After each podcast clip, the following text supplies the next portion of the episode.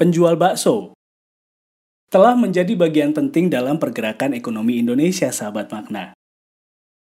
Sebuah data dari Asosiasi Pedagang Mie dan Bakso, Apniso Indonesia mencatat, jumlah pedagang bakso se-Indonesia mencapai 2,5 juta orang, dengan omset rata-rata Rp600.000 per hari. Salah satu daerah penghasil bakso populer di Indonesia adalah Wonogiri. Dari kota ini, banyak sekali depot bakso yang terkenal enak. Kali ini, kita akan bahas cerita lain di balik gurihnya semangkok bakso sahabat makna. Di Mendengar Indonesia, Makna Kata Podcast, bareng saya, Fendi Rahman.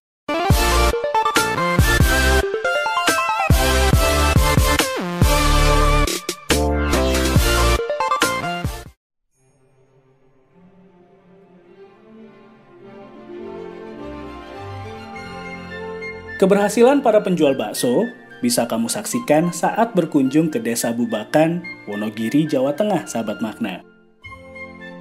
Kampung ini memang paling mencolok dibanding yang lainnya. Di daerah yang lokasinya cukup pelosok, kamu bisa melihat rumah mewah sekelas villa yang berjejer. Deretan rumah ini adalah rumah para penjual bakso khas Wonogiri yang merantau dari Sumatera hingga ke Papua.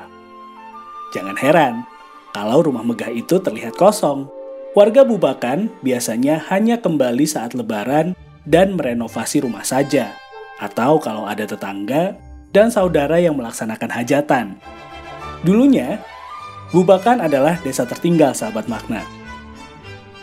Mayoritas masyarakatnya berprofesi sebagai petani. Sampai akhirnya, ada seorang pengusaha bernama Mbah Joyo beliau mengajak beberapa warga desa untuk merantau dan menjadi karyawan warung bakso miliknya.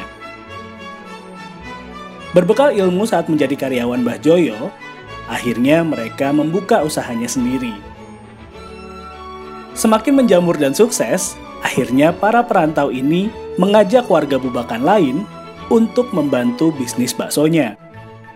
Saat ini, tingkat pendidikan desa ini semakin maju sahabat makna.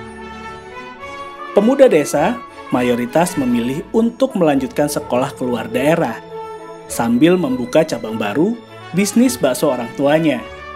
Walaupun sudah sukses, solidaritas warga Bubakan sangat tinggi sahabat makna. Mereka lebih memilih untuk membangun dan mensejahterakan tanah kelahirannya. Selain enggan membeli rumah di rantau, banyak juga warga yang menyekolahkan anak-anak tidak hanya di desa Bubakan, tapi juga di beberapa desa sekitarnya.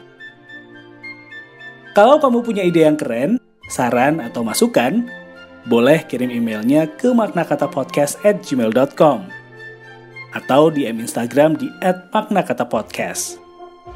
Terima kasih sudah mendengarkan Makna Kata Podcast. Fendi Rahman pamit.